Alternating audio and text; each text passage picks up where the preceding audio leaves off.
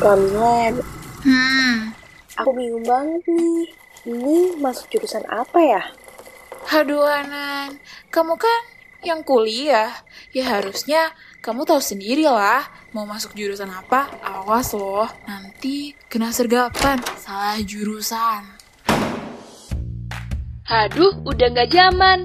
Biar kamu nggak tersesat di jalan, yuk kita dengerin aja podcast Gebrak Ganesa. Bukan hanya edukasi tentang berbagai jurusan di ITB, kami kasih semuanya. Sejarah jurusan, kehidupan himpunan, hingga isu-isu di dalamnya. Dan yang paling penting, kita langsung undang suhunya. Betul sekali, hanya di 107,7 FM Radio Kampus ITB bersama Hanan, Milen, Piti, dan Elita. Bareng aku? Ganti nggak mau Gebrak tahu harus ganti Ganesa.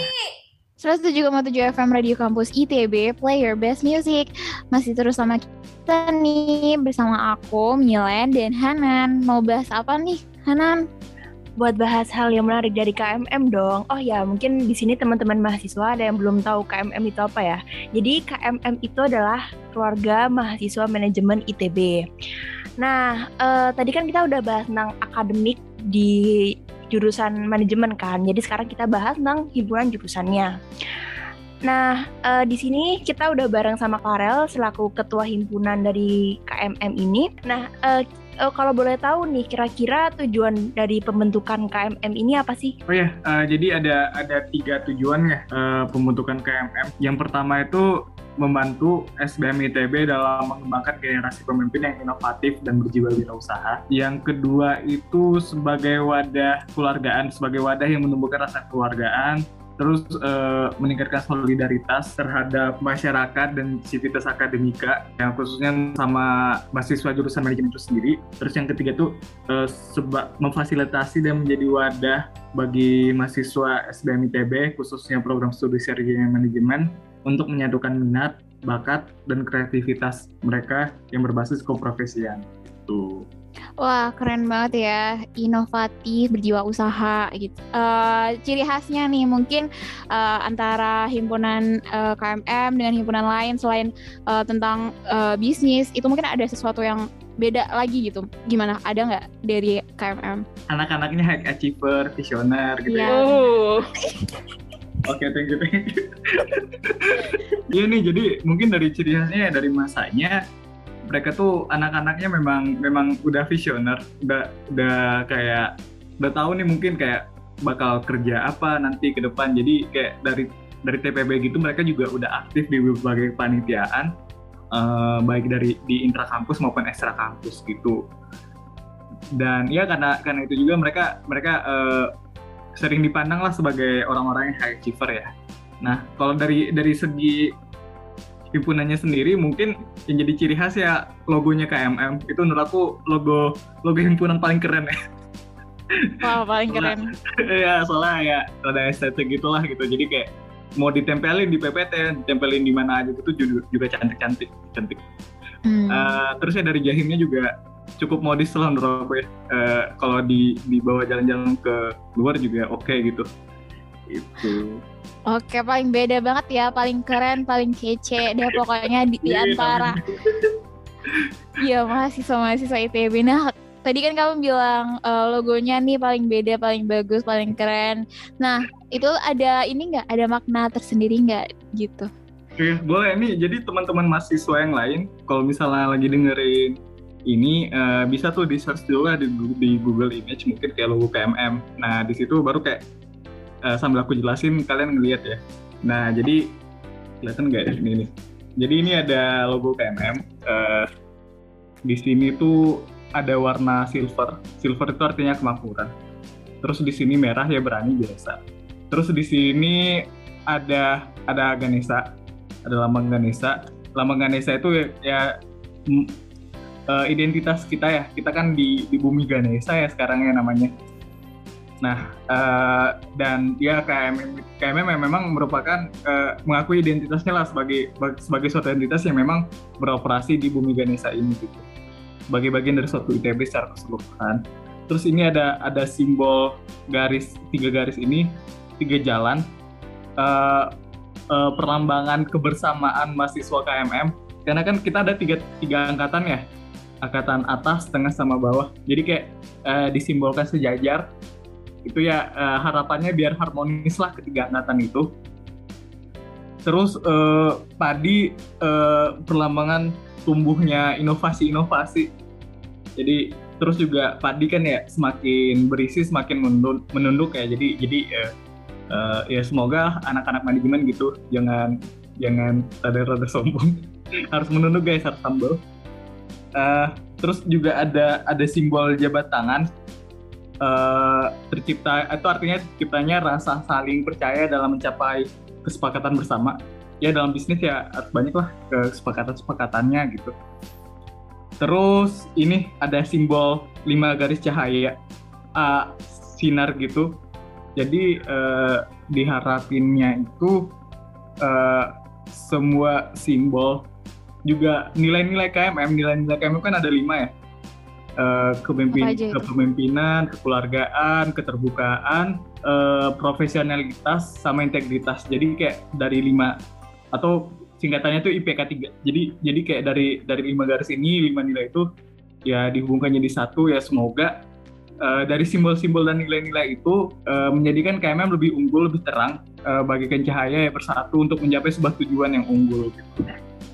Oh gitu, Mm-mm. keren ya buat eh, tujuan-tujuan dari eh, yang ada di logo itu. Oke, oke. Eh, Oke, tadi kan dari tadi tuh dibilang katanya KMM itu pengen inovatif banget gitu.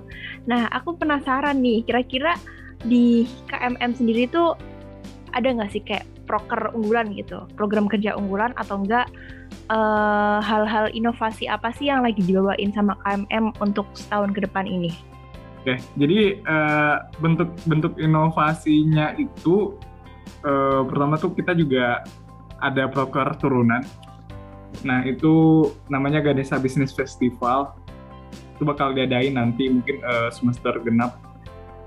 Nah di situ eh, bakal ngad bakal ngadain perlombaan-perlombaan bisnis. Juga bakal ada eh, showcase bisnis-bisnisnya anak SBM dari dari matkul IBI, dari matkul komersialisasi teknologi kalau di virus itu. Terus kayak yang yang kalau dari aku eh, kami di BP-nya sendiri bakal ngebikin suatu pos suatu sistem terpadu gitu buat pelayanan. Eh, salah satunya itu si- eh, pelayanan mengenai informasi atau administrasi namanya siasat eh, sistem informasi satu atap Apa itu? itu bentuknya bakal berbentuk website gitu. Jadi kalau misalnya ada anak-anak eh, mau ngajuin kebutuhan administrasi atau informasi-informasi kayak misalnya mengenai eh, info-info mengenai mata kuliah, info-info mengenai informasi kayak misalnya slide-slide gitu-gitu, slide-slide eh, pembelajaran mata kuliah. Juga kayak misalnya mau ngebaca nih kayak kayak dari KMM juga ada majalah Luminer ya sebagai wadah berkarya masa-masanya gitu dalam bidang jurnalistik, fotografi sama kajian gitu itu bisa dibaca juga nanti melalui melalui website siasat itu. Terus juga selain itu eh, kami juga menyediain lah nge-provide gitu kayak semacam mentoring keprofesian namanya tuh career path jadi kayak bakal ada mentoring mengenai cara caranya in- caranya berhasil interview, caranya bikin CV yang bagus, Hmm. dan eh, sebagai upaya aku yang untuk membentuk eh, masa-masanya, eh upaya BP tahun ini untuk membentuk masa-masanya menjadi lulusan manajemen yang ideal tadi yang jadi pemimpin yang inovatif dan dan berjiwa berusaha, eh, udah kepikiran bakal ngelakuin proker namanya tuh manajemen eksekutif club. Jadi objektifnya itu untuk memaknai nih tujuannya KMM, terus menumbuhkan urgensi untuk berke KMM-an untuk menjadi BP juga dan di sisi lain kita bakal ngajarin mereka nih gimana caranya jadi pemimpin terus eh, bakal ngajarin nih eh, tools-tools yang kayaknya bakal berguna dalam mengelola himpunan atau project-project eh, atau organisasi yang bakal mereka pimpin nanti yang berdasarkan yang berdasarkan life cycle kepengurusan gitu dan kalau untuk setahun ini ya memang diperbanyak lah eh, gimana caranya kita eh, aku dan teman-temanku yang di BP, brother sisterku di BP bisa ngewarisin lah banyak hal gitu, tools-tools gitu yang bakal ngebantu mereka dalam mengelola organisasi ini nanti. Gitu sih. Oke oke, itu tadi kan dari sisi himpunan kamu ya. Kalau misalkan program kerja yang juga untuk masyarakat luas mungkin ada. Nah karena di SBM juga ada yang itu ya, eh, kayak kayak pengabdian masyarakat itu kayak misalnya community project itu juga udah udah cukup berdampak lah itu juga udah cukup ngebentuk ya insya Allah lah mungkin ya ngebentuk uh, masa-masanya biar lebih ngerti dan tahu kalau kalau harusnya ya si pebisnis itu jangan cuan-cuan mulu gitu kan. Ada masyarakat uh, harus mengerti perannya.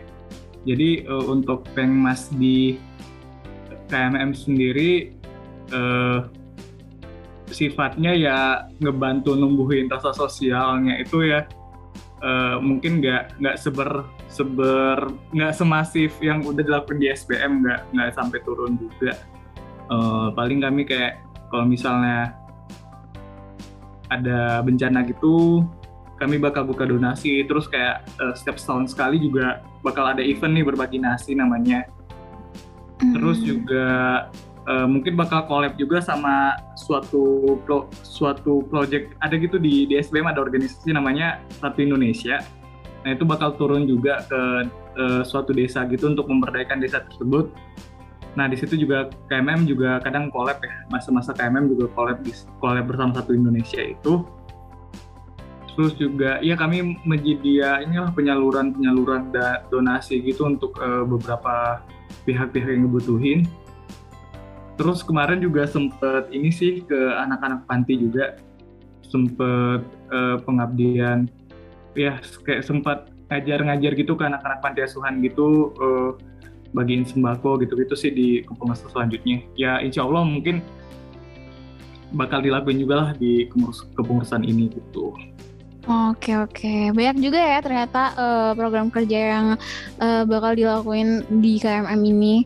Nggak cuman uh, ngurusin bisnis aja, tapi kita juga tetap memperhatikan masyarakat lainnya juga ini nih mau nanya uh, Farel kan uh, di SBM itu nggak uh, cuman anak uh, Indonesia aja nih ya, pasti juga ada anak-anak inter juga yang kayak ya kita tau lah anak inter gimana gitu. Nah, aku, menurut uh, jadi di KMM itu anak inter tuh masuk KMM juga nggak di kira-kira? Iya, uh, kebetulan masuk KMM juga dan beberapa manajer aku juga anak inter ya sekarang. Kayak nah. misalnya uh, sekretaris di aku uh, Sinita itu sekarang lagi inter di Hull University di di UK di England. Ya alhamdulillah karena kondisi sekarang ya ngomongin ngemungkinkan ngemungkinkan aja sih buat mereka juga ikut terlibat gitu dalam beberapa kegiatan uh, di KMM gitu. Oh gitu. Tetap Jadi optimal sih. Mungkin ya memang uh, pengorbanannya di waktu ya. Kayak uh, kadang ngebikin rapat itu rada malam soalnya biar biar dia juga bisa ikutan gitu. Nah, nah kadang juga nanti dia yang rada maluman ikutannya gitu sih. Oh gitu. Hmm. Jadi masih tetap ikutan ya anak internya hmm. di KMM ini. Hmm. Nah, buat kayak uh, bahasa itu terkendala nggak ya sama anak inter atau enggak buat programnya gitu? Uh, kebetulan kan, iya. enggak sih, kebetulan enggak karena uh, internya memang kebanyakan anak Indonesia ya, anak Indonesia yang bakal. Oh gitu. Uh -uh. Ya udah semangat terus ya KMM dan nah. teman-teman yang lainnya.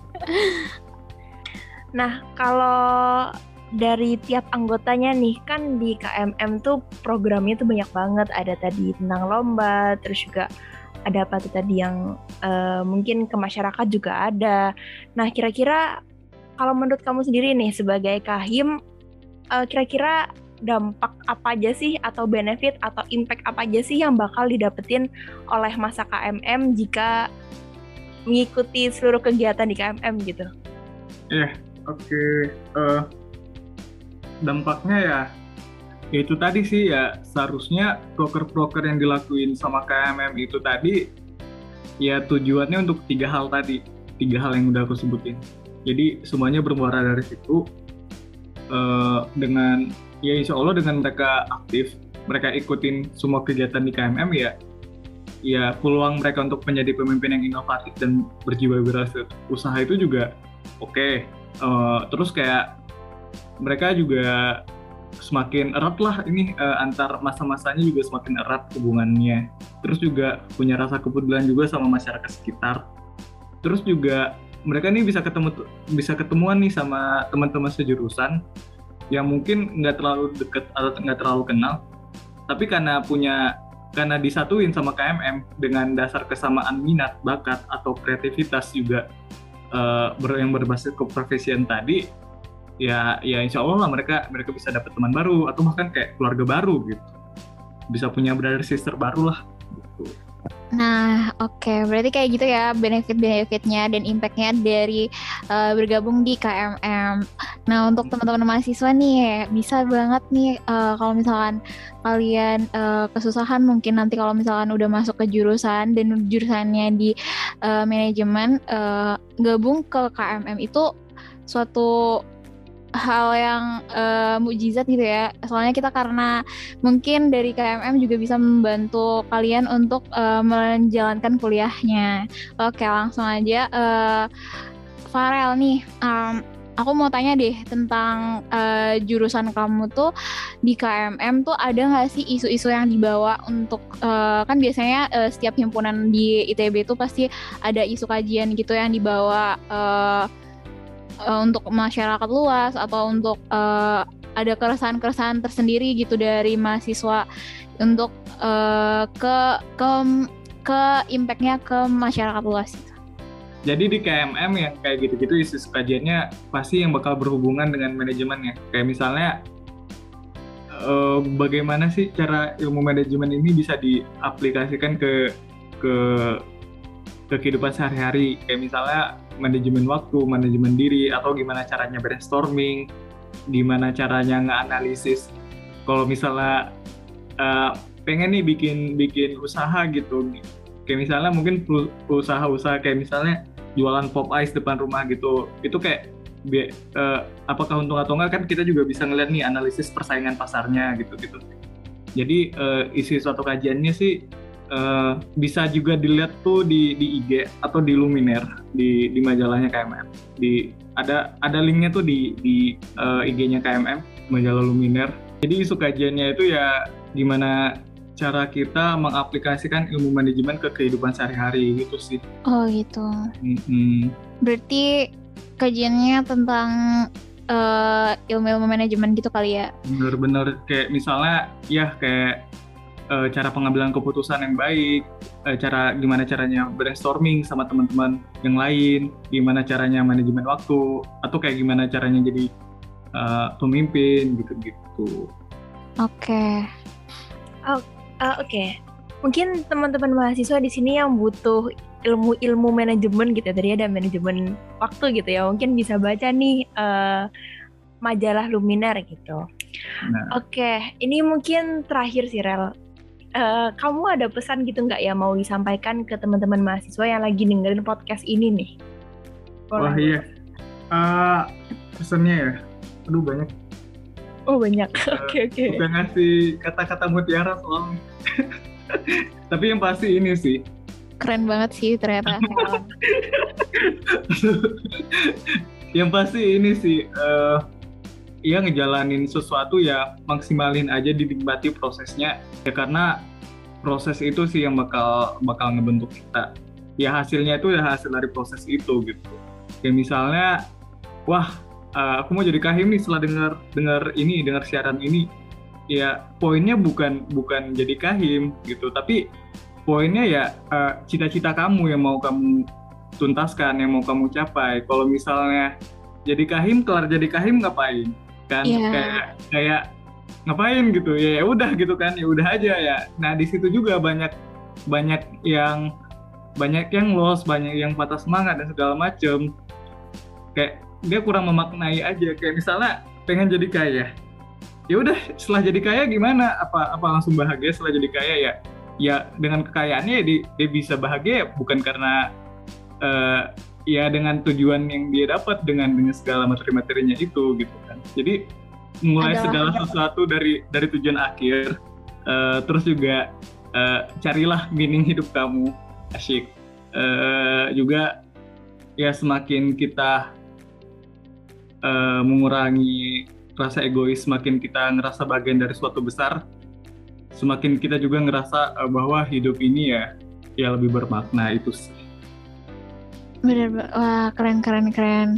Nah itu dia pesan dari Farel. Jadi uh, gimana caranya kita tuh memaknai hidup kita tuh lebih bermakna dan uh, bermanfaat dengan uh, orang-orang lain. Gimana caranya kita menghabiskan waktu kita tuh uh, bermanfaat gitu ya, nggak sia-sia juga, nggak uh, cuma memikirkan diri sendiri tapi memikirkan orang lain juga, gitu kan Farel ya. Oke. Okay. Makasih juga ya buat Farel buat wawancara singkatnya ini. Nah, semoga teman-teman mahasiswa udah nggak bingung lagi ya tentang jurusan manajemen dan juga tentang himpunan jurusannya yaitu KMM. Oke, jadi aku dan Kamilan pamit ya. Dadah, dengerin lagi setiap Rabu sore dua minggu ke depan ya. Kebraga Nesa. 107,7 FM Radio Kampus ITB, play your best music. Dah. Dadah. Yeah. Aduh, akhirnya selesai juga Kamilan. Oh my god, iya banget Nan. Mana abis ini aku harus nugas lagi. Aduh. Aduh, aduh, emang paling keren dah Kamilen. Yuk, semangat yuk, udah lagi lulus nih. Yuk, semangat ya buat kita semua. Emang capek banget gak sih? Melewat banget nih aku. Nggak ding, bercanda.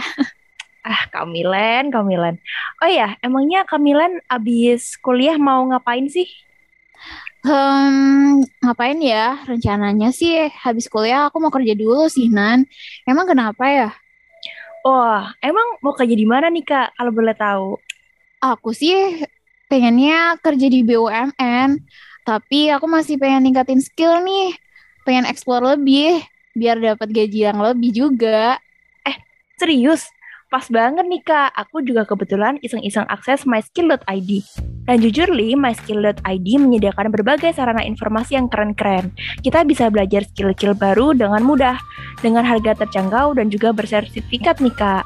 Wah, serius? Ada nih yang bikin-bikin kayak gitu nah? Iya kak, serius banget.